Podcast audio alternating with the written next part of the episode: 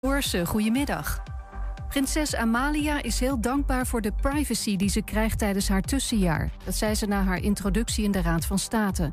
Ze zei dat ze een enorme persoonlijke groei doormaakt en dat ze veel leert. Na de ceremonie heeft Amalia een koningslinde geplant in de tuin achter het paleis in Den Haag. Het aantal coronabesmettingen ligt voor de tweede dag op rij rond de 18.000. En daarmee lijkt het erop dat het cijfer voorzichtig daalt, zegt het RIVM. Er zijn 72 mensen aan corona overleden en dat is het hoogste aantal sinds eind februari. Het aantal ziekenhuisopnames bleef ongeveer gelijk. De man die vorig jaar met zijn auto op de A2 met hoge snelheid een vrouw van 20 doodreed, heeft drie jaar cel gekregen. Ook moet hij haar ouders 42.000 euro schadevergoeding betalen. De man reed 256 km per uur toen hij een klapband kreeg.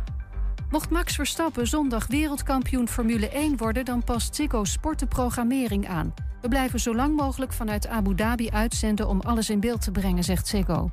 Zondag is de laatste Grand Prix van het seizoen en dan wordt hoe dan ook Max Verstappen of Lewis Hamilton wereldkampioen. En dan nog het weer, af en toe zon en aan zee staat een stevige wind. Morgen meer wolken en een enkele bui bij maximaal 8 graden. En tot zover het ANP-nieuws. Thema beveiliging staat voor betrokkenheid, adequate optreden en betrouwbaarheid. Waar de concurrent stopt, gaat thema beveiliging net een stap verder. Thema beveiliging levert alle vormen van beveiliging voor zowel de zakelijke als de particuliere markt. Thema beveiliging, de beveiligingsorganisatie van het Oosten. Telefoon 053 4800 560 of stuur uw e-mail naar info@themabeveiliging.nl. Het jaar sluit je af met de duizend beste nummers aller tijden. Wat is jouw favoriet voor de 120 Top 1000?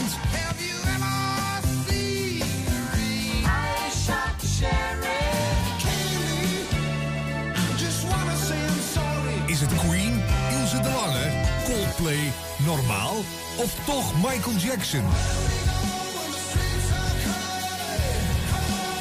Stem nu op jouw favoriete nummers via top1000.120.nl. En luister vanaf 27 december op 120 naar de Top 1000. De Top 1000. De Top 1000. Stem nu op jouw favoriete nummers via top1000.120.nl. En luister vanaf 27 december naar 120. Waar kan ik een APK laten uitvoeren en meteen een onderhoudsbeurt van mijn auto laten doen? Ik ga altijd naar eh, de gebroeders van der Meij uit Enschede. Vakmanschap, passie en echte service zijn kernwaarden van gebroeders van der Meij. Of het nu gaat om eh, APK-keuringen, reparaties, bandenopslag, totaalonderhoud, deuken verwijderen of een nieuwe trekhaak, zij regelen het voor je. Gebroeders van der Meij vind je aan de Lonnekerbrugstraat 80 in Enschede.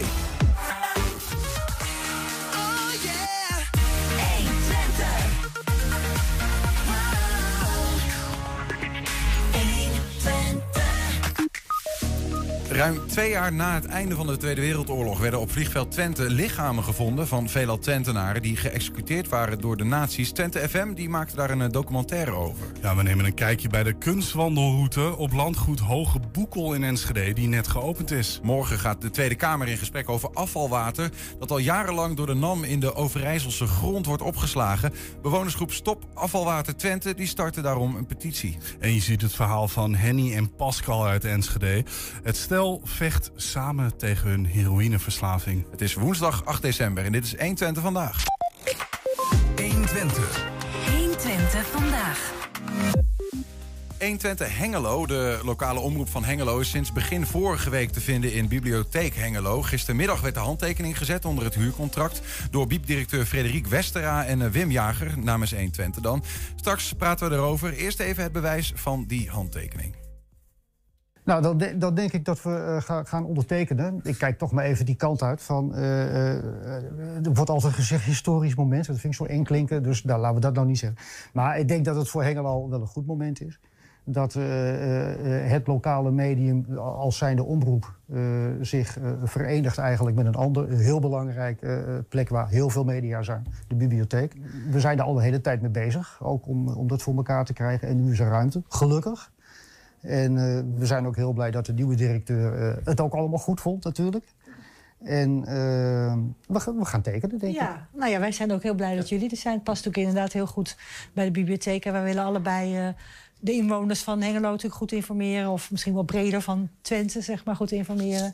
Uh, en dat mensen weer wat dichter bij elkaar komen. Dat mensen elkaar weer wat begrijpen. zullen we gaan tekenen? Ja, okay. we hebben zoveel te doen. Dus ja.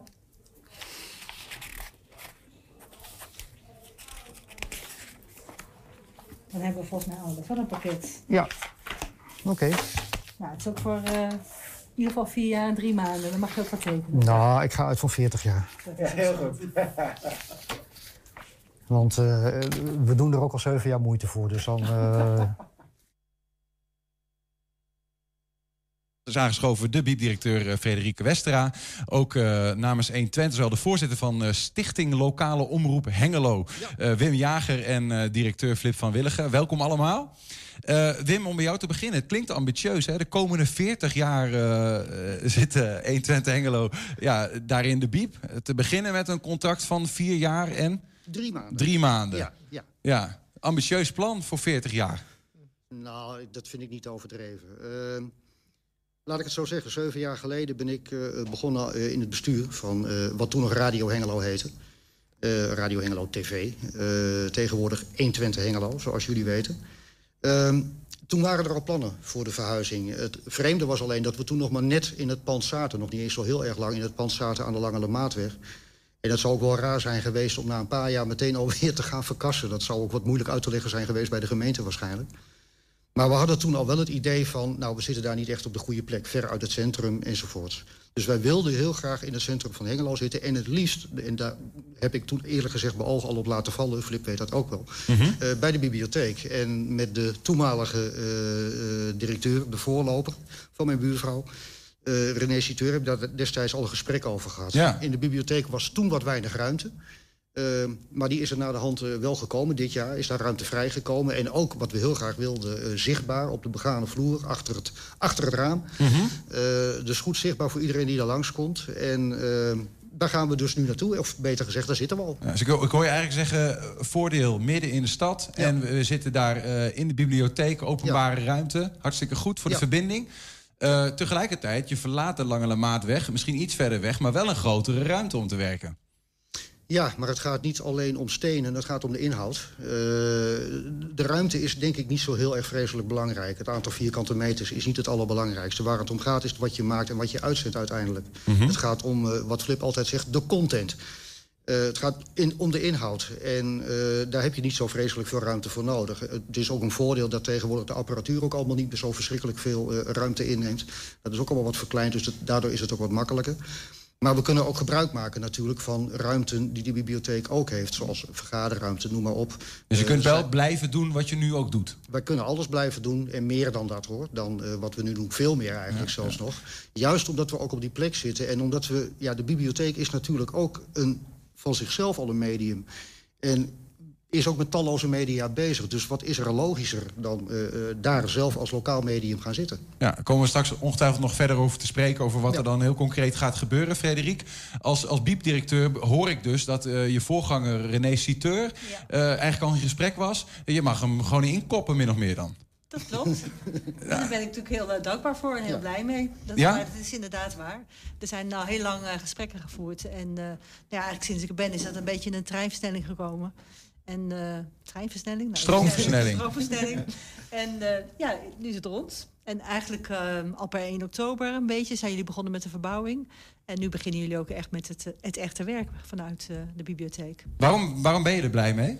Nou ja, omdat wij allebei een, een, informeren van burgers voor ons allebei belangrijk is. Ja. Uh, volgens mij is uh, 120 Hengelo ook echt uh, een beetje onderzoeksjournalistiek. Dus die wil de burgers ook goed informeren. burgers ook weer um, ja, wat meer op belangrijke thema's ook um, zorgen dat je de brede kanten ziet. En niet alleen maar de tunnel waar je in zit. Dus ik denk dat we samen heel erg ons best moeten doen om een heel breed publiek te gaan bereiken. En die ook breed te informeren van, vanuit alle optieken, zeg maar. Mensen worden wel heel vaak nu gevoed vanuit hun eigen achterban. En um, komen een beetje in de informatiefuik, zoals je dat uh, heet. En daar willen we ze graag uit uh, helpen. Ja. En, en jullie zelf misschien ook wel? Dat wij zelf ook in die fuik zitten. Nou, dat je, dat je, als, je als je met anderen samenwerkt die van een iets andere Zeker. invalshoek kijken, dat je een nou ja, Zeker. bredere zicht op de zaak krijgt. Dat is zo. En ik denk dat ons eh, publiek ook niet helemaal één op één hetzelfde is. Dus en wij krijgen er met eh, de 120 nou, luisteraars en kijkers... Krijgen we, er, krijgen we er ook weer een nieuwe doelgroep bij. En Ja. andersom kunnen wij natuurlijk ook mensen vanuit de bibliotheek... weer in contact brengen met de 120. Dus eh, Eh, Flip van Willigen, hoe, hoe ziet die samenwerking wat jou betreft er dan zeg maar, super concreet uit? Wat gaat daar de komende jaren voor eh, synergie plaatsvinden tussen de BIEB en 120 Hengelo? Nou, we zijn begonnen met eh, eh, eh, het project wat we getiteld hebben, de Agenda van de Stad. En eh, onder die titel, de Agenda van de Stad, willen we eigenlijk de... eh, ja, bij ons heette dat destijds de dossiers, of heet dat nog steeds bij ons op de site... willen we dus de onderwerpen, de thema's die wij aandragen... willen we gezamenlijk verder eh, uitwerken en invulling geven. Dus het gaat er echt om dus dat we de, de dingen die eigenlijk wat verder gaan dan alleen maar het dagelijkse nieuws. Dingen die, die eh, belangrijk zijn voor de ontwikkeling van een stad. Hoe, hoe je daar meer aandacht aan kunt geven. Kun je eens een voorbeeld noemen van zo'n thema? Wat je dan, Nou ja, eh, heel erg nu voor de hand liggend eh, de, de gemeenteraadsverkiezingen die eraan komen. Mhm. Dat is echt iets waarbij het zo belangrijk is dat, dat mensen niet alleen maar van eh, de, de fuik waar ze zelf in zitten aan het kijken zijn naar de wereld. Maar juist ook horen dat er verschillende meningen zijn. En dat je zeker lokaal eh, heb je altijd te maken met je buurman die er anders over denkt. En hoe ga je dan samen verder leven? Ja. Nou, hoe geef je daar invulling aan in plaats van het makkelijk te hebben over ja, zij en zij en, en wij. Want het een beetje alleen maar afscheiden van elkaar. Juist lokaal vind ik dat dat heel belangrijk is. En, en dan zijn de gemeenteraadsverkiezingen natuurlijk dé plek om ervoor te zorgen dat je ophaalt bij de inwoners wat er speelt. Het ik teken voor 80 verhaal. Dat je daarna eh, wat er speelt uiteindelijk voorlegt aan de politiek. En de politiek mag dan eh, aan gaan geven wat hun plannen zijn met de dingen die er spelen in de stad. Ja, en hoe gaat Frederik dat zo, zoiets dan in de bibliotheek van Hengelo eh, uitzien? Hoe gaan jullie dan bezig met gemeenteraadsverkiezingen? Eh, nou, eh, bijvoorbeeld dat wij ook eh, eh, lezingen houden of mensen uitnodigen. Eigenlijk denken we ook dat we misschien wel de straat op gaan om met mensen in gesprek te gaan. Ehm, dus ja, eigenlijk ook nieuwe wegen daarin een beetje bewandelen. Om ook vanuit de bibliotheek gezien nieuwe doelgroepen te bereiken. Ja. En eh, die krijg je niet alleen binnen. Ik denk dat we ook naar buiten moeten. Dus we zullen moeten aansluiten bij activiteiten die er zijn. En, en letterlijk de straat op. Nou ga ik misschien vijanden maken. Ehm, en tegelijkertijd is het een beetje zelfbevlekking misschien wel. Maar zowel de lokale omroep als de bibliotheek... hoor ik wel eens boze stemmen beweren... hebben een beetje een stoffig imago. Dat mensen zeggen, ja, eh, dat is voor, voor wat oudere mensen... of bij de omroep zitten dus mannen met een sigaar radio te maken.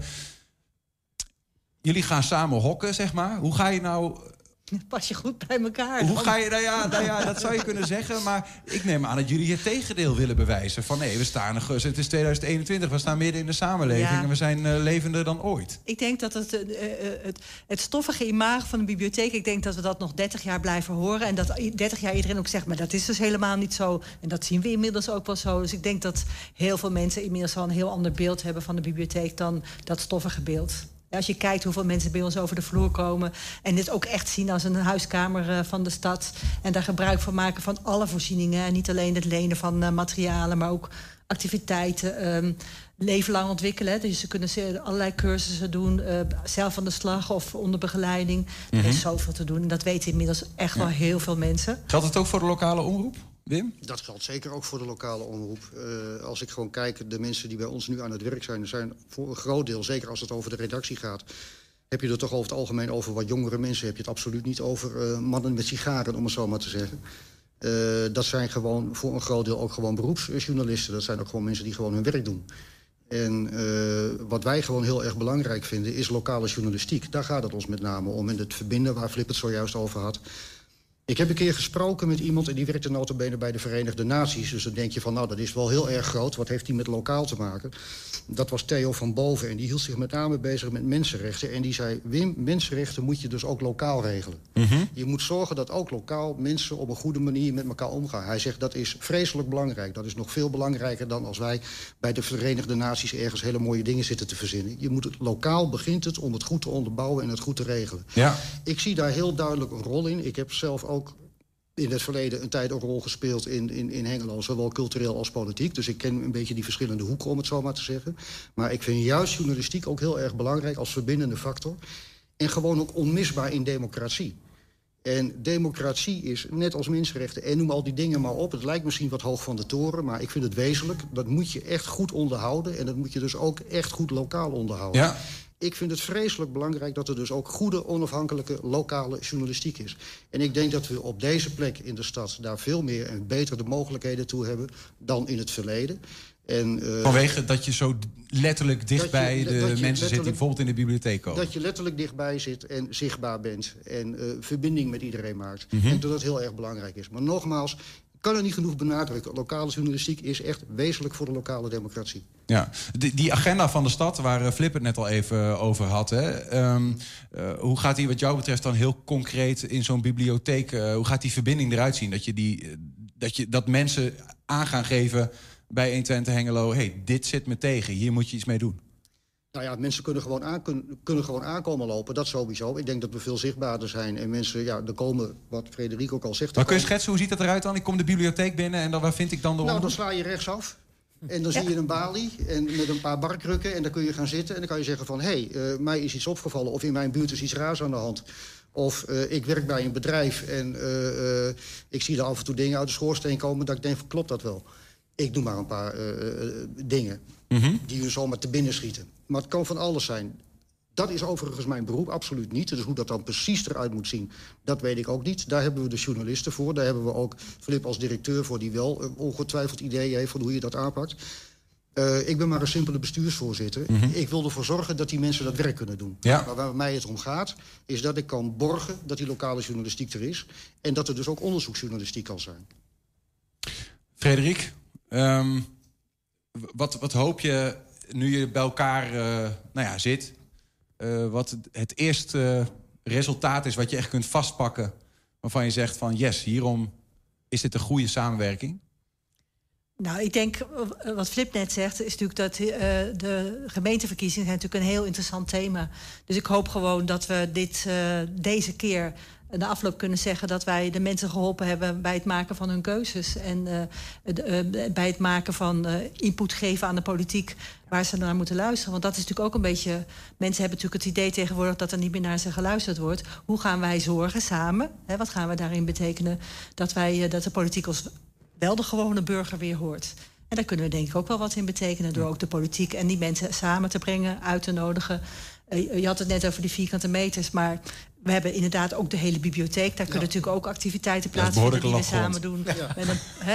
Ja, veel ja. groter dan voorheen. Veel groter dan voorheen eigenlijk in dat opzicht. Ja. Precies, en, en je zei net, uh, het is zowel binnen, maar we gaan ook naar buiten. Het is het epicentrum van, maar er gebeurt nog veel meer. Ja. Ja. Nou, we gaan het meemaken de, de komende nou ja, 40 jaar. In ieder geval vier jaar en, uh, en, en drie maanden. Ik hoop die 40 jaar ook, want dat betekent dat de bibliotheek er ook 40 jaar is. Dus dat willen we ook heel graag. Uh, dus, dank in ieder geval voor deze, voor deze aanzet en we zijn benieuwd. Frederik Westera van de bibliotheek in Hengelo, Flip van Willigen en uh, Wim Jagers van uh, 120 Hengelo. Dank jullie wel. Ja, Twente FM brengt ons vanavond om 8 uur een nieuwe documentaire. Waar die over gaat, dat gaan we zo even uh, horen. 120. 120 vandaag. Ja, maar eerst landgoed Hoge Bok, uh, Boekel. Rond 1900 aangelegd in opdracht van textielmagnaat Herman van Heek. Die hier ook woonde. Uh, inmiddels woont er andere her, een andere Herman, Herman Kok wel te verstaan... die het in de afgelopen 20 jaar in oude glorie herstelde. Vandaag opent een wandeling over het landgoed... met kunstwerken die verwijzen naar uh, snippers van de geschiedenis van beide Hermannen. Textiel en rockmuziek. Herman Kok drumde namelijk jaren in een school uh, met onder andere Atje van den Berg. Wij namen alvast een kijkje met Herman en kunstenaar en theatermaker... Erik Langendoen. We staan op uh, Landgoed Hoge Boekel. Ja. Uh, er is hier een wandelroute uitgezet en jij hebt kunstwerken geplaatst. Ja. Uh, maar voordat je dat deed, heb je onderzoek gedaan naar nou ja, de historie van het landgoed, toch? Ja, um, ik heb me een beetje verdiept in de geschiedenis van het landgoed. Van, ik heb de verhalen van Herman, de, de eigenaar, gehoord. En ik ben zelf nog een beetje op zoek gegaan naar dingen die me interesseren qua thematiek rondom deze plek. Het is uh, natuurlijk uh, eigendom geweest van een uh, textielfamilie hier uit Enschede, de familie van Heek. Ik heb in ieder geval om textiel in een beeld vertegenwoordigd te laten zijn... de kleerhanger ontdekt. Die kende je nog niet. ja, nou ja, dus eh, stomerijen, kleerhangers van, me- eh, van metaal, draad, gebogen. Als eh, materiaal om mee te werken. Je hebt hier beeldende kunst op, de, op, de, op die wandelroute geplaatst. Ja, ja. Hoeveel werken zijn het? Ik heb eh, tien puntjes op de kaart. Dat is best veel. Ja, en eh, ja, er zit een inleiding bij. En dus negen werken, zou je kunnen zeggen. Ja. En zijn dat allemaal beeldende werken of zit er ook eh, ander werk tussen? Er zijn een aantal fysieke beeldende werken en ook een paar audio eh, eh, werken en een video die ik heb gemaakt. Hey Erik, we wandelden net eh, deze kant uit en dan komt hier een audiofragment. Ja. Hoe werkt dat? Wat voor audiofragment is dat? Nou, op het moment dat ik daar liep, waren hier twee jongens bezig met kettingzagen. En ik dacht, oh, dat is een interessant geluid. Dus dat heb ik opgenomen tijdens mijn wandeling. En ik kwam er steeds dichterbij. En dat hoor, dat hoor je in de audio ook. Eh, dus dat was hier eh, aan de hand. Je ziet het resultaat ervan. Ehm, en dat heb ik eh, gemixt met muziek. Het, ik verwijs naar de rockmuziek vanwege het rockverleden van Herman. Waarom mocht Erik komen? Ja, ik, dan ben ik altijd zien waarom niet. Hè. Dus, eh, ja, elke ja, er zijn heel veel landgoedeigenaren die nou niet direct zitten te wachten op heel veel volk op hun... eh, op Nee, maar ik vind als ik zo'n idee hoor, Tuin der Lust, eh, Casper Verwiel, eh, die kennen het allemaal wel. Dat zijn mensen die dan zeer cultuur begaand. En als er iets cultureels gebeurt hier, of mag gebeuren, dan vind ik het altijd goed. Dus eh, ja. En over het landgoed zelf. En misschien heb je, heb je, daar, Ja. heb je daar iets mee gedaan? Of Ehm, die geschiedenis of niet? Nou ja, ik, ben vooral, ik was vooral ge- verrast door de vijver. Die een heel ja, markant eh, onderdeel is. En eigenlijk da- daaromheen is het landgoed vormgegeven. En die heb ik dus als, als vind ik het zo'n sterk beeld. De- dus die heb ik heel vaak terug laten komen. We zagen net, eh, een van de kunstwerken verwijst ook naar die, naar die, water, naar Ja. die Ja, of je dat, klopt. eh, heb je de wandeling zelf al gedaan? Ja, nou, ik, eh, voor de helft. Het audiovisuele, het audiogedeelte heb ik net niet gedaan. Dus, Maar ik heb natuurlijk wel gezien wat hij allemaal gemaakt heeft aan de hand van die kleerhangertjes. De, de, en de, en de, de T van de vijver komt overal in terug. Dus ja, ik vind het hartstikke gaaf. 120. 1. 120 vandaag.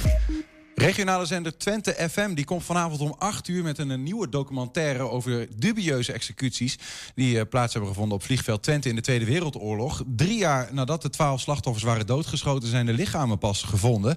Straks praten we erover. Eerst even een stukje trailer van die documentaire De Verborgen Executies op vliegveld Twente.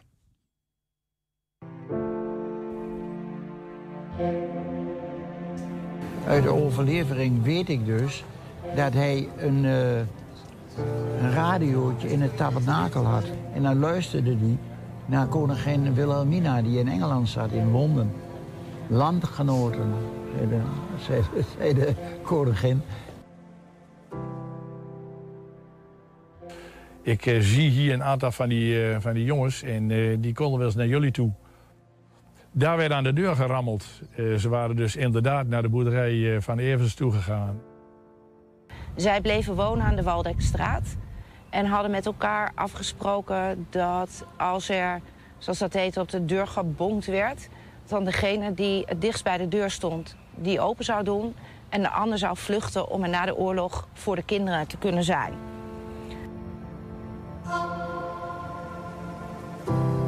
Van het Waarbekenplein is hij neergeschoten en is hij dus eh, bij mijn buurvrouw achter het huis eh, naar beneden gegaan en van het dak gehaald. Eh, hij is verzorgd nog even. En daarna is hij afgevoerd. En het laatste wat ook de buurvrouw destijds nog gezien heeft... in het bekende ronde raampje van vele auto's zoals die er in die tijd waren... was zijn gezicht en even zwaaien naar zijn vrouw en kinderen. En uiteindelijk is hij dus op vliegveld 20 gefusilleerd.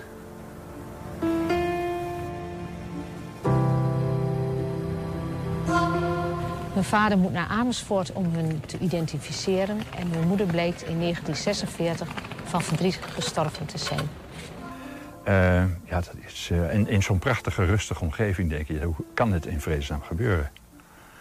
Ze zeggen wel eens beestachtig, maar het heeft natuurlijk niks met dieren te maken. Eh, De mensen doen dit soort dingen en bedenken dit, hè?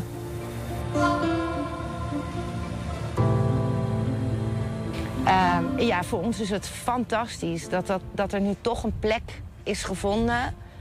En ehm, dat we deze slachtoffers ehm, alsnog op een waardige manier kunnen gaan herdenken.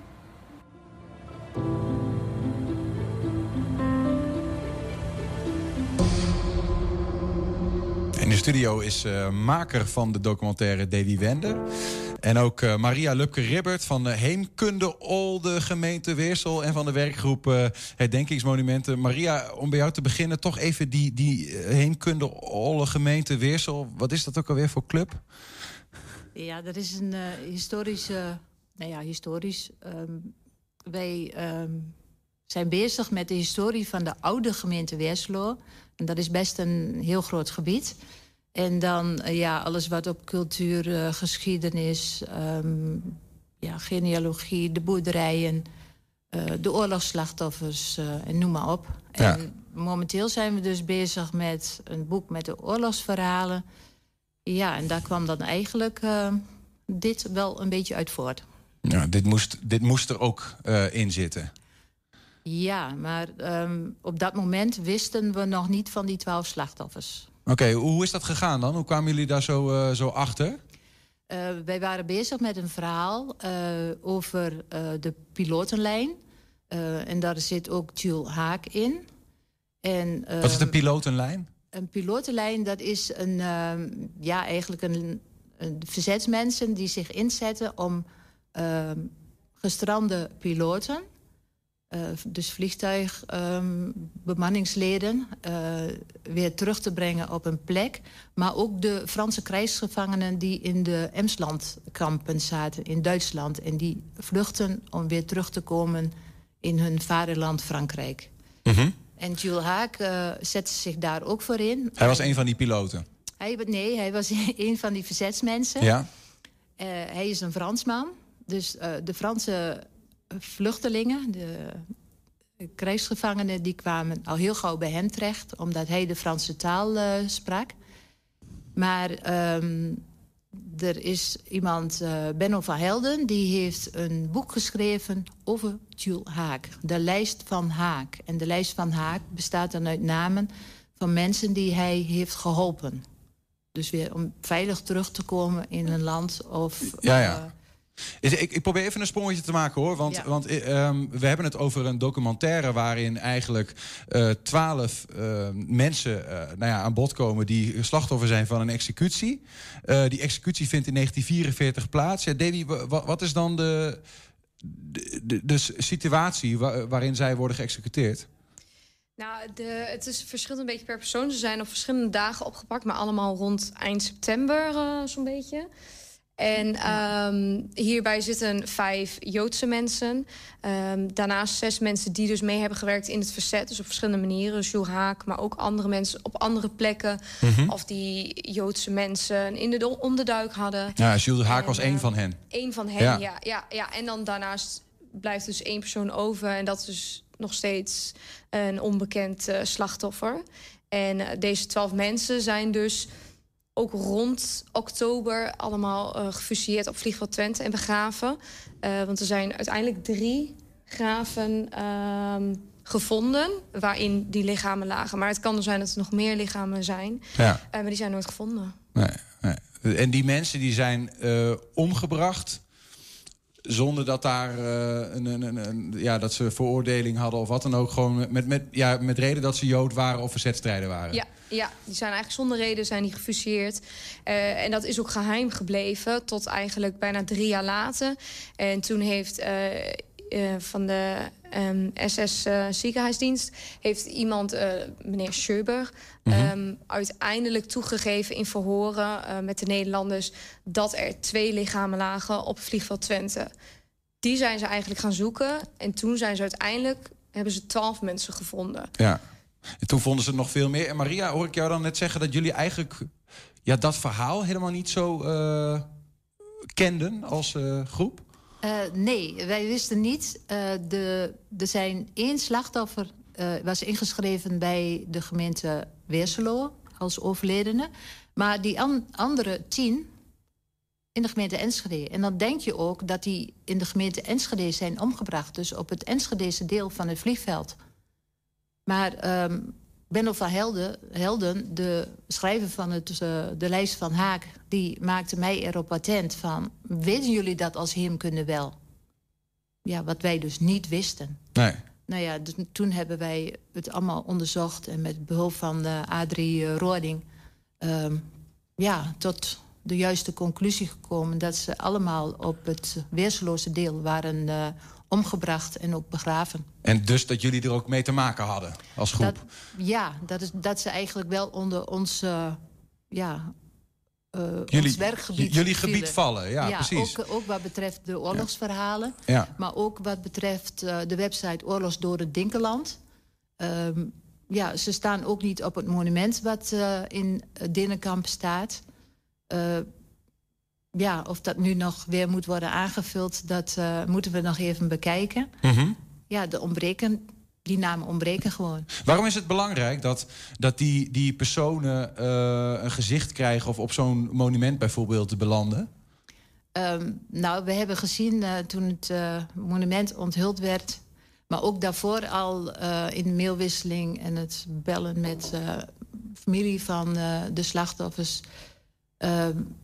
Ja, dat ze het echt belangrijk vinden. Dat hun naam nog weer genoemd wordt. En dat er een plek is waar, waar hun naam staat. En waar anderen ook kunnen lezen van... hé, hey, dit is daar gebeurd. Ja. En ze, en is ze moeten niet worden vergeten. En is onrecht aangedaan. Hun is zeg maar. onrecht ja. aangedaan. Ja. En ja, de herdenkingsplek is ook op een zodanig uh, punt... waar heel veel fietsers en wandelaars uh, langskomen. En ja, wanneer je daar ook bent... er komen altijd mensen langs en mensen willen ook daarover praten. Maar het was ook niet bekend. Bij heel veel mensen was het gewoon niet bekend dat dit was gebeurd. Davy, um, hoe, hoe kwamen jullie zo als Twente FM, hè, de, zegt de streekomroep van uh, Noordoost-Twente... hoe kwamen jullie zo uh, bij dit verhaal terecht om daar uiteindelijk een documentaire van te maken? Ja, er was eigenlijk contact gelegd met uh, mijn collega Jenny Temaat. Um, en in eerste instantie zou het een soort van reportage worden. En toen hebben we eigenlijk gedacht, ja, hier moeten we gewoon meer mee doen. En hebben we uiteindelijk toch de keuze gemaakt om te denken... we gaan uh, hier een documentaire van maken. Met, in samenwerking met alle gemeenten Weersel. Um, hebben we dus uh, uiteindelijk heel veel mensen gevonden... die dus over verschillende slachtoffers zouden praten. En nabestaanden, uh, via bekenden, uh, van alles wat. En hebben veel gesprekken gevoerd. Zijn we op verschillende plekken geweest. En hebben ook het proces van het maken van het monument gevolgd. Ja. En zo uiteindelijk... En dat, dat zien we eigenlijk in die documentaire ja. terug. Dus verhalen van nabestaanden. Ja, over de slachtoffers. Eigenlijk verhalen van de slachtoffers. Um, en het monument. Ja. Ja. Als je dan zo'n documentaire maakt, hè, want je bent relatief jong... Uh, wat, wat maak je dan mee in zo'n proces? Uh, is dat aangrijpend? Uh, leer je iets kennen van de oorlogstijd waarvan je denkt... potverdikke me, dat wist ik nog niet, of hoe gaat dat? Ja, ik heb zeker verschillende dingen ook er echt wel van geleerd. Um, en in sommige gevallen was het ook zeker wel aangrijpend... de verhalen die je hoort... Um, van sommige mensen waarbij dat nog steeds gewoon echt wel heel diep zit. Um, dat is gewoon heel bijzonder om ja, daarmee in gesprek te zijn en uh, die verhalen op te halen eigenlijk. Uh, daarnaast, wat ook wel heel fijn is voor heel veel van die mensen, is dus het monument nu. Omdat het plek waar eigenlijk de slachtoffers zijn gefusilleerd, ligt binnen uh, Vliegveld Twente. Dus daar mogen ze ook niet zomaar naartoe. Dus er was ook nooit een plek waar ze naartoe konden gaan voor troost en uh, om ze te kunnen herdenken. En, uh, ja, en dan heb je het soms over die slachtoffers. En het, gemiddeld de meeste zijn ergens in de twintig. Dan denk ik, ja, dat is mijn eigen leeftijd. Dat Ja. is uh, bizar, ja. Ja, ja. Maria, hoe is het dan om... Uh, nou ja, uh, jullie, jullie verschillen wat qua, qua leeftijd. Hè? Je praat over geschiedenis. Hè? Het, is, het, is, het is uw uh, passie misschien wel, zeg maar. Hoe is het om dan zo'n samenwerking aan te gaan met zo'n club? Ja, dat was, uh, het was gewoon leuk. Ja, ja, kort en krachtig. Ja, nee, maar het goed, was, het was uh, heel bijzonder. Um, vooral om samen te bedenken van... Uh, je hebt twaalf slachtoffers. Welke plek kies je uit om, en wie laat je erover vertellen? En ik denk dat het behoorlijk is gelukt. Samen Ja? met, uh, met Davy en, Niels. Ja. Is, dat, is, dat, is dat, Davy, een, een, een interessant proces van waar je dan gaat staan... en welke plekken je wel of niet in beeld brengt, met welke personen... Welke afwegingen maak je dan? Ja, je hebt natuurlijk bij sommige personen het geval dat uh, ook familieleden bijvoorbeeld er liever niet bij betrokken willen zijn, waarbij het te gevoelig ligt. Uh, dus dan moet je toch een bepaalde oplossing vinden in mensen die er toch op een bepaalde manier veel van afweten of in betrokken zijn geweest, um, die erover kunnen vertellen. Ja, en je wil bij iedereen toch een, net een wat andere locatie hebben... die betekenisvol is voor dat slachtoffer... waardoor uh, je bepaalde variatie in je documentaire hebt. Dus dat is wel een puzzel dan. Uh... Hoe lang ben je er eigenlijk mee bezig geweest in totaal? Uh, we zijn er ja, dik drie maand, vier maand wel veel mee bezig geweest. Ja. En, en, en hoe lang duurt de documentaire van A tot Z? 52 minuten. Ja, ja. dus vanavond te zien, 52 minuten. En dan word je compleet uh, ja, ik zou zeggen geüpdate, maar over dit, dit verhaal wat daar dus uh, wat daar allemaal heeft plaatsgevonden. Uh, op waar eigenlijk? Op, op, op, ja, je kan, je kan naar de website van twentefm.nl. daar staat het wel via de YouTube-link, die staat er ook in aangegeven. En via Twente TV, als je die kan ontvangen, kun je hem ook bekijken. Ja, Twente FM dus.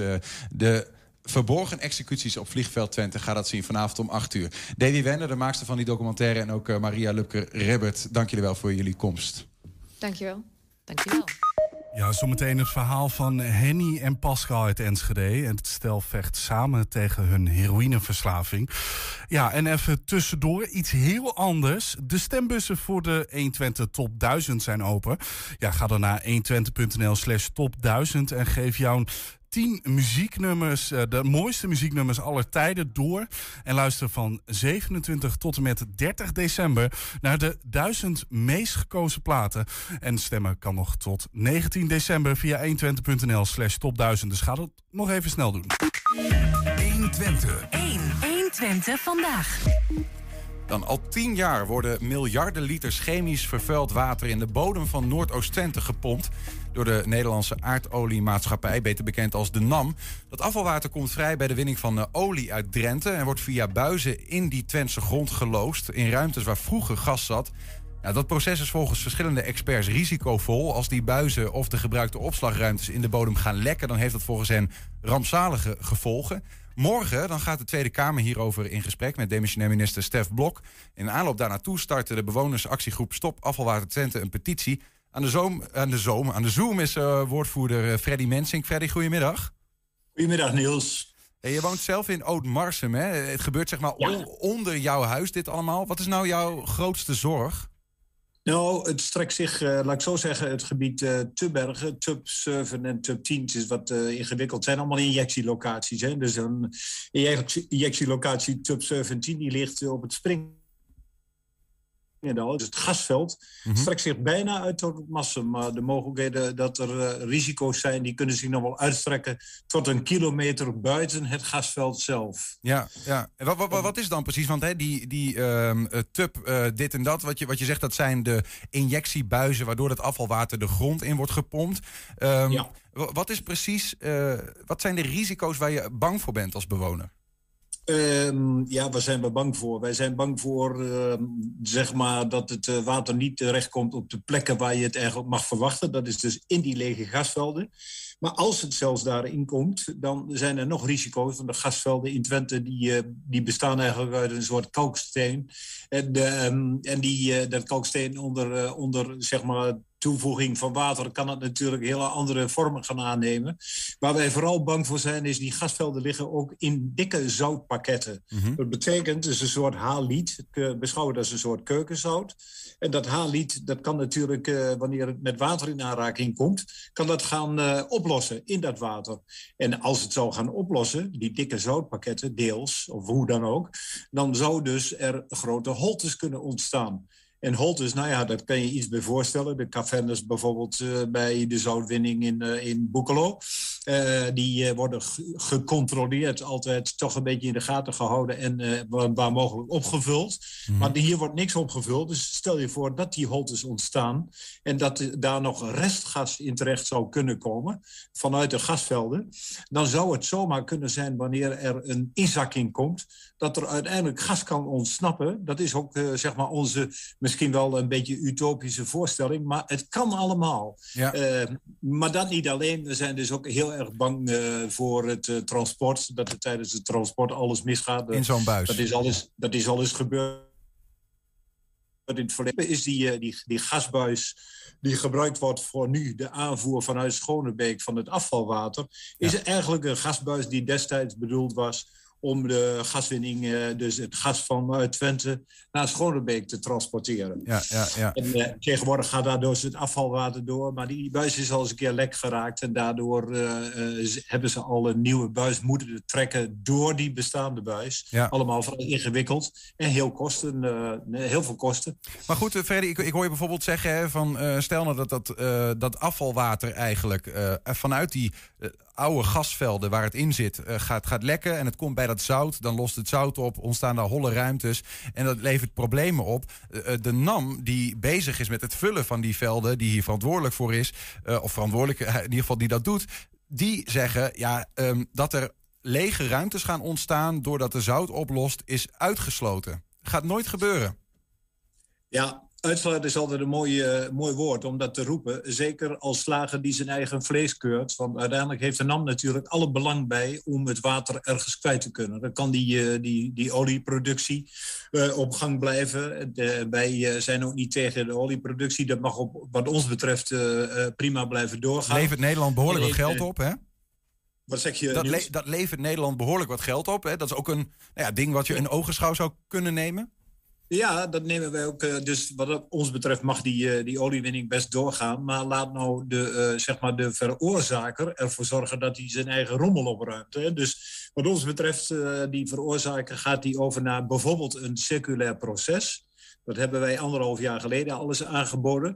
Dat is eigenlijk het water wat dus naar boven komt samen met de olie en dus afgescheiden wordt en dan naar Twente getransporteerd wordt. Nou, als je die buis nou aansluit op een zuiveringsinstallatie, dan kun je je zeg maar over en als die niet aanstaat, die wil die terugbrengen. En dan kunnen ze weer terug in hetzelfde veld waar het ook uitkomt. Ja. Dat is ook eigenlijk de, de regelgeving zoals die in Europa geldt. Je mag eigenlijk geen water transporteren naar een ander gebied. En zeker niet giftig afvalwater. Dus eh, wat ons betreft eh, is dat ook een optie die de NAM zo snel mogelijk in de praktijk moet brengen. Dus- Maar moet ja, brengen zelfs juist- als dat Europese regelgeving is. Een beetje, Niels. Nou ja, eh, ik, ik hoor je moet zeggen. Dus als je zegt het is de Europese regelgeving, dus dan zou het toch moeten? Bijna. Ja, in principe zou het moeten, maar ze hebben dus eigenlijk een soort link eh, eh, uitweg bedacht samen met het ministerie van Economische Zaken, want die heeft er ook alle belang bij. want Die hebben zelf een opbrengst van 40% van, eh, van deze oliewinning, dus het, eh, het is interessant. Ehm, dus het zou eigenlijk moeten als je gaat kijken naar regelgeving die in Europa geldt. Dat betekent, het moet op de eerste plaats ook al onomkeerbaar zijn. Dus als je iets doet, moet je niet later eigenlijk weer in de situatie terechtkomen dat je denkt van jongens, dit gaat niet goed. Zou eh, bijvoorbeeld weer hier in, eh, in Twente dan eh ja-knikkers moeten plaatsen om alle water eruit te halen. Nou, jij weet net zo goed dan ik dat dat natuurlijk een utopie is. Dat gaat gewoon niet lukken. Dus ik hoor eigenlijk, want- Freddy, ik hoor, ik hoor je zeggen, ehm, wat jullie betreft een goed alternatief is, zorg dat het afvalwater wat vrijkomt bij die oliewinning, dat je dat meteen zuivert en dat je het weer terugpompt in het, op de plek waar je ook die olie vandaan hebt gehaald. Eigenlijk niet op een andere plek, maar in, in dit geval in Schonebeek in Drenthe. Dat is wat je zegt, hè? Ja, dat is eigenlijk wat ik zeg. Nou ja, goed, je hoeft niet alles terug te storten in dat veld. Want eh, je kunt namelijk het water weer hergebruiken om er weer stoom van te maken. Ja. Zodat ze het weer kunnen injecteren in datzelfde olieveld. Maar goed, ik wilde toch. Ik dan- ik, ja. sorry, ja, ik, ik, wilde, ik wilde toch ook even iets eh, tegenover zetten. Omdat ehm, eh, de NAM ook zegt: van ja, luister, de, alles wat wij doen voordat wij daaraan beginnen, hè, wat, er- wat er nu gebeurt, dat het afvalwater in de Twentse bodem wordt gestort, ehm, dat, dat, dat moet allemaal getoetst worden. Dat kan echt niet 1, 2, 3 vanzelf. Daar is onder andere ook bijvoorbeeld een partij als Staatstoezicht op de Mijnen bij betrokken, een onafhankelijke toezichthouder in Nederland. Dan is mijn vraag eigenlijk: hebben jullie wel vertrouwen in zo'n proces? Nou ja, goed, dat is dan weer zoiets. Hè. Uh, we hebben in het verleden altijd geroepen... Uh, economische zaken, staatstoezicht op de mijnen en de NAM. Het lijkt wel een drie-eenheid. Want uh, in principe vertrouwt staatstoezicht als toezichthouder... ook altijd weer op alle rapporten en alle methodes die, die er zijn... van de NAM zelf. Dus, en als je dan nog eens bedenkt dat staatstoezicht eigenlijk valt onder economische zaken... en dan ook nog bedenkt dat economische zaken zelf, wat ik je net al zei... voor 40 een belang heeft in het proces, ja, dan kan je al een beetje voorstellen dat mocht het, uh, mocht het niet te veel risico vormen, ook volgens de NAM en, uh, en andere partijen en ook onderzoeksbureaus en noem maar op, dat uh, ook staatstoezicht al gauw een keer een, een vinkje zet achter de methode. Ja, eigenlijk ook heel opmerkelijk dan toch, de positie van zo'n in principe wat onafhankelijk zou moeten zijn, zo'n zo'n club. Het is uh, precies wat wij ook altijd zeggen. Je zou al moeten beginnen bij de mijnbouwwet. Want in de mijnbouwwet is eigenlijk ook uh, dit soort zaken geregeld. En die vinden wij eigenlijk, uh, eigenlijk, niet meer kunnen. Je zou eigenlijk een onafhankelijke onderzoeker moeten hebben die, die toeziet. Zonder dat hij binding heeft met een van de precies. partijen die er belang bij heeft. Ja. En dat is in dit geval zeggen, zijn het beide partijen, ja. de NAM en, en Economische Zaken. Wat willen jullie dan precies met die petitie die nu nou ja, sinds vorige week... Din, nee, sinds zes dagen staat hij erop geloof ik hè? Ja. Vorige donderdag. Ja. Wij hebben, uh, wij hebben inderdaad met behulp van, uh, van ook van Herman Vinkers, dat is misschien al opgevallen. Dus zelf was die gisteren nog uitgebreid in beeld op uh, RTV Oost. En ook vanavond om half tien is een uitzending in Nieuwsuur. dus dat is wel interessant, ook voor ons. Mm -hmm. Er wordt er ook aandacht besteed aan dit aan dit. Uh, wat wij willen bereiken met die petitie is, uh, ja, we hebben het uh, een jaar of zes geleden ook gedaan. Toen kwamen we tot uh, meer dan 30.000 handtekeningen. Ook al omdat we fysiek met lijsten toen langs de bevolking gingen. Onder andere bijvoorbeeld bij carnavalsoptochten, waar je dan toch heel veel Twentenaren bij elkaar treft. En die allemaal, allemaal tekenen. Maar inmiddels loopt de teller alweer aardig op. Er staat hij op 5000. Ja, ja. En die, uh, die 5000 die moeten toch allemaal de moeite nemen om uh, zeg maar te gaan kijken op, uh, op onze website. Hè. het kan ook via petities.nl, maar het handigste is wanneer mensen zouden willen tekenen www stopafvalwatertwente.nl. Mm -hmm. Daar is op de voorpagina meteen een, uh, in het, ik dacht in het oranje of rood aangevinkt uh, petitie. Tegen hier de petitie. Nou, we zouden heel graag hebben dat eigenlijk heel Twente die petitie gaat tekenen. Want heel Twente is mordicus tegen het injecteren van het afvalwater hier. Want op de langere duur, en dat uh, hoeft niet op korte termijn te zijn, maar het zou best kunnen dat over 10 of over 50 jaar het toch weer naar boven komt. En dat dan, uh, ja, misschien als de NAM nog bestaat, ik ga er dan niet vanuit. Maar goed, dat er dan uh, al makkelijk wordt gezegd, ja, met de kennis van nu hadden we dat toen toch ja, niet moeten ja, doen. Ja. En zo gaat vanuit... het vaak. We kennen het voorbeeld van, van Groningen. Niels. Ja, zeker. Nee, absoluut. Maar het kan dus vanuit Noordoost-Twente zich eigenlijk, dat het, als het lekt, zou het zich kunnen verspreiden. En dan krijgt ook de rest van Twente daar uiteindelijk uh, mee te maken. Nou, dat is iets te veel van het goede. maar uh, met name Oldenzaal, uh, Rossum uh, omstreken en, en Oudmassum, Tubbergen en omstreken, die kunnen daar best mee te maken krijgen. Hè? Bijvoorbeeld het Springendal, fantastisch mooi natuurgebied. Het is al te gek dat daar uiteindelijk altijd al gas gewonnen is. Maar goed, daar is de NAM nu ook bezig om locaties op te ruimen. We hopen dat ze dat compleet doen en dat ze niet alleen nu nog de asfaltlaag laten liggen en dan maar, en dan maar de mogelijkheid bestaat nog, Niels, dat uiteindelijk de NAM uh, het onderdeel uh, oliewinning in Schonebeek, samen met dus het afvalwaterinjectie in Twente, dat ze dat gaan afstoten. Ja, en dan zijn we helemaal in de aap gelogeerd. Hebben wij ook wel eens gezegd tegen staatstoezicht en tegen economische zaken. En dat is ook iets wat we nu de politiek meegeven. Van kijk daar goed naar, want als dat gebeurt, nou dan moet er misschien wel een soort van, van garantiefonds komen. Om in elk geval duidelijk te krijgen dat, uh, dat de NAM niet zomaar weg kan met uh, eventuele schades die er ontstaan, dat wij er als belastingbetaler weer voor moeten opdraaien. Ja, ja en, dan zou de angst zijn dat de NAM uh, de velden verkoopt aan een partij die misschien wel nog meer cowboy zijn, wat dat betreft. Precies wat je ja, zegt. Ja. Uh, dat is inderdaad uh, toch een stukje grote angst die er ook bij ons uh, leeft. Maar toch even, want volgens mij heb ik dat antwoord nog niet helemaal helder. Wat is nou jullie ultieme doel met die petitie? Wat wil je er nou eigenlijk mee? stel dat je er uiteindelijk weer 30.000 handjes op elkaar krijgt in Twente. Dan ga je naar de minister. Wat, wat wil je me eigenlijk vragen? Als we weer 30.000 handtekeningen krijgen, krijgen we een behandeling van ons, eh, ons verhaal in de Tweede Kamer. Dat zou heel mooi zijn. Eh, we gaan eh, weer naar de minister als hij er open voor staat. In het verleden hadden we Henk Kamp, die tegenwoordig bij ons in, in Overijssel woont. Eh, maar Henk Kamp als minister hebben we een, drie, vier keer bezocht. En die had in elk geval oor om te luisteren naar datgene wat wij, wat wij inbrachten. En heeft ook aan de NAM toen eigenlijk zes jaar geleden al, of in 2016, dus zeg maar vijf jaar geleden, vijf, bijna zes jaar geleden, Ja. eh, tegen de NAM gezegd: jullie moeten een pilot starten om eens te kijken of je het water kan zuiveren. Nou, die pilot, ja, en die heeft, eh, wat ik goed heb begrepen, heeft de NAM wel een proeflocatie opgebouwd in Schonebeek. Eh, hebben ze naar eigen zeggen een tiental bedrijven uitgenodigd, die zich hadden aangemeld dat ze misschien het water zouden kunnen zuiveren. Maar die zijn op één na allemaal aan. Wij weten niet welke bedrijven dat zijn. We hebben geen flauw benul eh, wie, eh, wie erbij betrokken was. Het, eh, het bijzondere is wel... Je viel heel even weg. Op één Ja, na, die bedrijven zijn op één na. Wat zei je toen? Die uitgenodigde bedrijven? Ja, dat één, één bedrijf is volgens de NAM nog overgebleven, maar we hebben er nooit iets over teruggehoord. Dus wij vragen ons ook af of dat ene bedrijf het blijkbaar ook niet kan.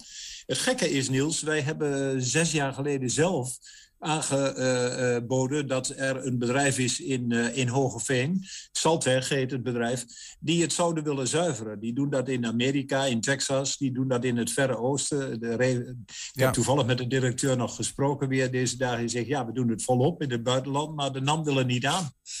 Oké, nou ja, dat, dat dan komt toch een beetje de vraag op.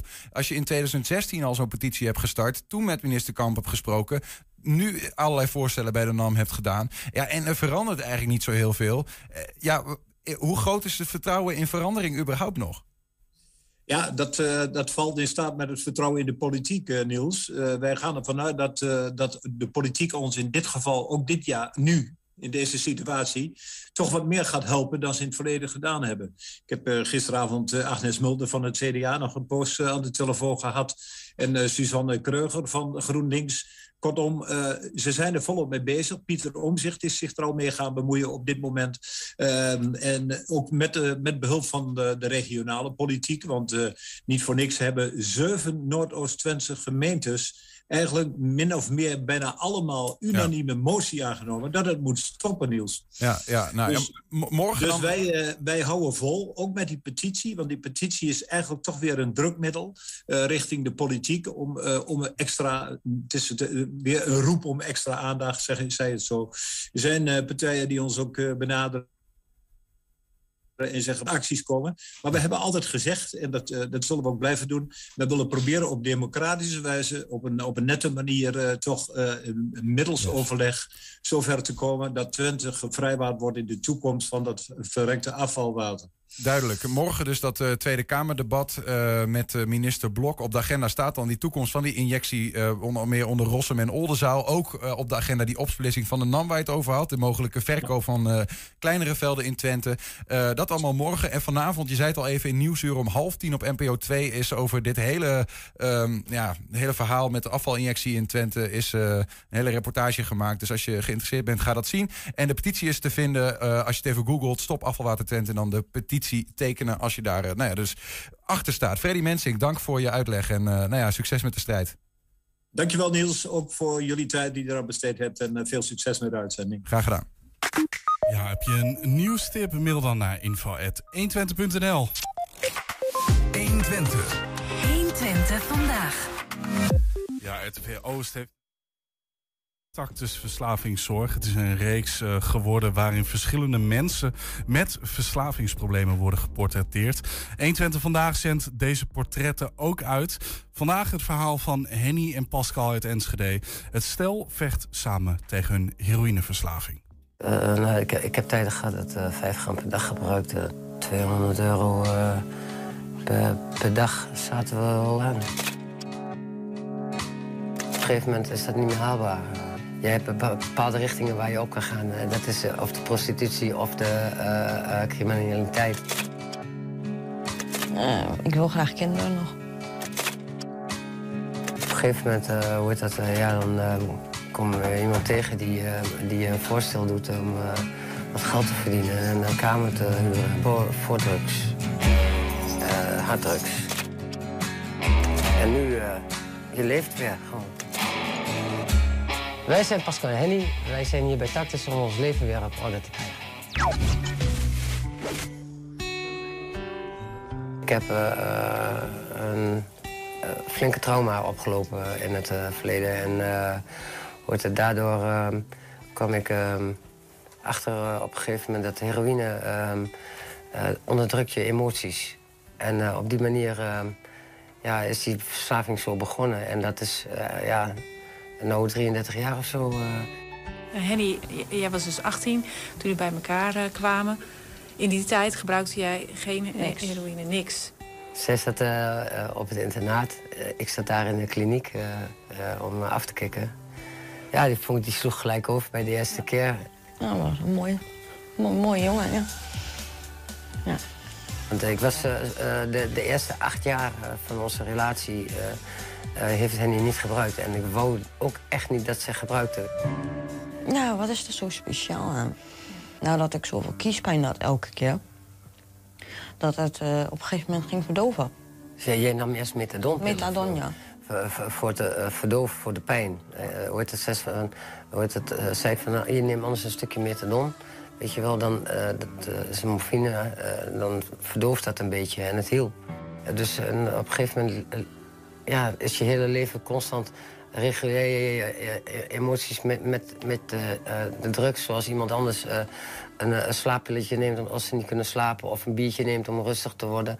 Deed ik dat met de drugs alleen, het is zo duur. En ja, dat, dat je dus op een gegeven moment in de problemen komt het is heel moeilijk om aan zoveel geld te komen... om dagelijks je portie te krijgen. Het is gewoon duurder als goud. Ik heb tijden gehad dat 5 gram per dag gebruikte. Dus dat zit iets op ja, 200 euro per, dag zaten we al aan. En ja, dat is, op een gegeven moment is dat niet meer haalbaar. Je hebt bepaalde richtingen waar je op kan gaan. Dat is of de prostitutie of de uh, uh, criminaliteit. Uh, of dealen, of, ja, weet je wel. Dus, en ja, ik heb alle paden een beetje onderzocht, zeg maar, in, in de tijd.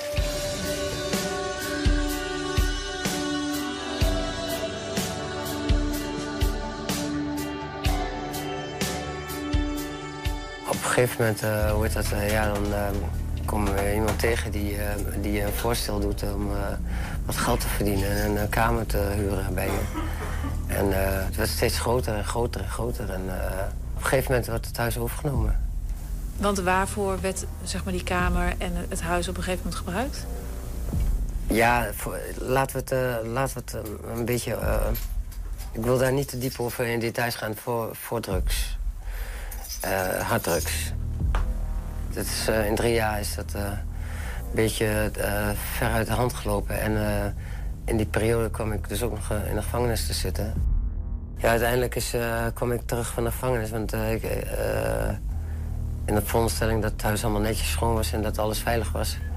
En ik kom thuis, nou, dat was uh, gewoon een hele grote puinbak. Uh, dat, uh, klanten hebben daar zitten spuiten en overal lachen papiertjes. Je moet voorstellen, dat zijn Duitse klanten die komen en die hebben dat spul gekocht. En die moeten dat dan ehm, verpakken en in hun lichaam verstoppen. En weet je wel, de rotzooi die daarbij komt, die wordt niet opgeruimd. want Henny sloot zich af met een Post Malone. En spulletjes om haar heen en een bankje en een laptopje. En zoek het allemaal maar uit. Hoe voelde je op dat moment? Vooral eenzaam. Nou, ik raakte in een depressie toen die tijd. Nou, niks kon me meer schelen. Ja, en toen kwam ik thuis en uh, die bende... Want ik was wel helder en clean op dat moment. En, uh, maar uh, toen ik daar was, toen we ook alleen maar gebruiken, roken, roken, roken. En dat was genoeg. Dus hoe heet dat... We hebben ook ontzettend zitten roken toen. En dat was eigenlijk de rock bottom op dat moment van... nee, weet je wel... ik, ik sliep 18 nachten niet meer. Ik zag dingen die er niet waren, met paranoia. En ja, ging, ging, dingen gingen helemaal scheef. En toen was Tactus gelukkig. Die een hand eh, uitreikte.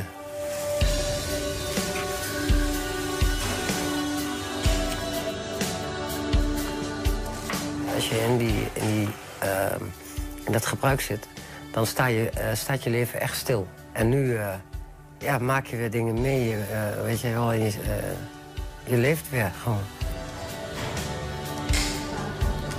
En dat is het goede gevoel wat je, wat je eruit haalt, weet je wel. Het, het, het eh, nuttig voelen, het een beetje ja, deel maken uit de maatschappij. eh. Zijn er momenten geweest dat je dacht van ja, maar ik, ik trek er niet meer, doei, ik ga weg? Nee, dat dacht ik niet. Wat, wat houd je dan op de benen, Henny? Wat is dan... Eh, het ritme. Ja. Nou heb ik s'avonds als ik thuis kom van... Oh, ik ben kapot. Ja, begon toen eh, te mozaïeken vooral. En maakte werkjes en eh, hoorde hoe blij mensen daarmee waren. Ja. Waardering, hè? De waardering, ja. Wat het personeel zoals eh, Frank en eh Inske en eh, zo, die waren echt betrokken met ons. En dat kenden wij niet. Hoort mensen die echt zo betrokken met je zijn, die je gewoon zien als persoon, weet je wel. En er gaf ons gewoon het gevoel dat wij, dat, wij dat gevecht maar aankonden. En ze hebben ons echt, echt geholpen met heel veel, heel veel dingen. Ja, ze hebben gezegd van... ga naar de huisarts. Vraag of je doorverwezen kan worden naar de tandarts. Ja, ik heb nog maar één voortand. En veel pijn. Ik heb wel het gevoel van eh, een beetje schaamte, ja. Eh, je ziet ook eh, gelijk hun hele gezicht veranderen. Oeh. Ja. die mondkapjes waren fijn, hè? Ja. ja, die waren toen wel fijn, ja.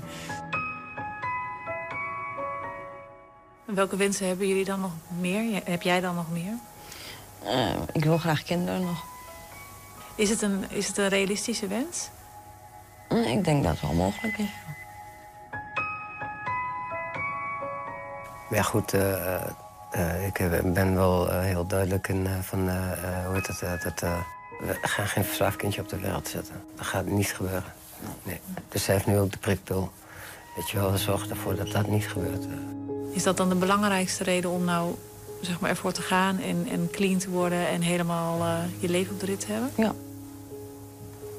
Je wil vanaf dag één dat wij samen zijn, wil je gewoon kinderen. Dat is gewoon haar diepste wens. Ze, wil, ze heeft dat, dat, die moedergevoelens die vrouwen hebben.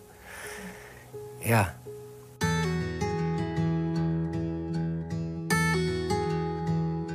Nou, ik wil heel graag gewoon, eh, ehm, weet je, toch nog eh, ehm, eh, mijn dingen voor elkaar hebben. Mijn huis eh, eh, weer gewoon normaal ritme hebben. Nuttig voelen zoals ik me nu voel.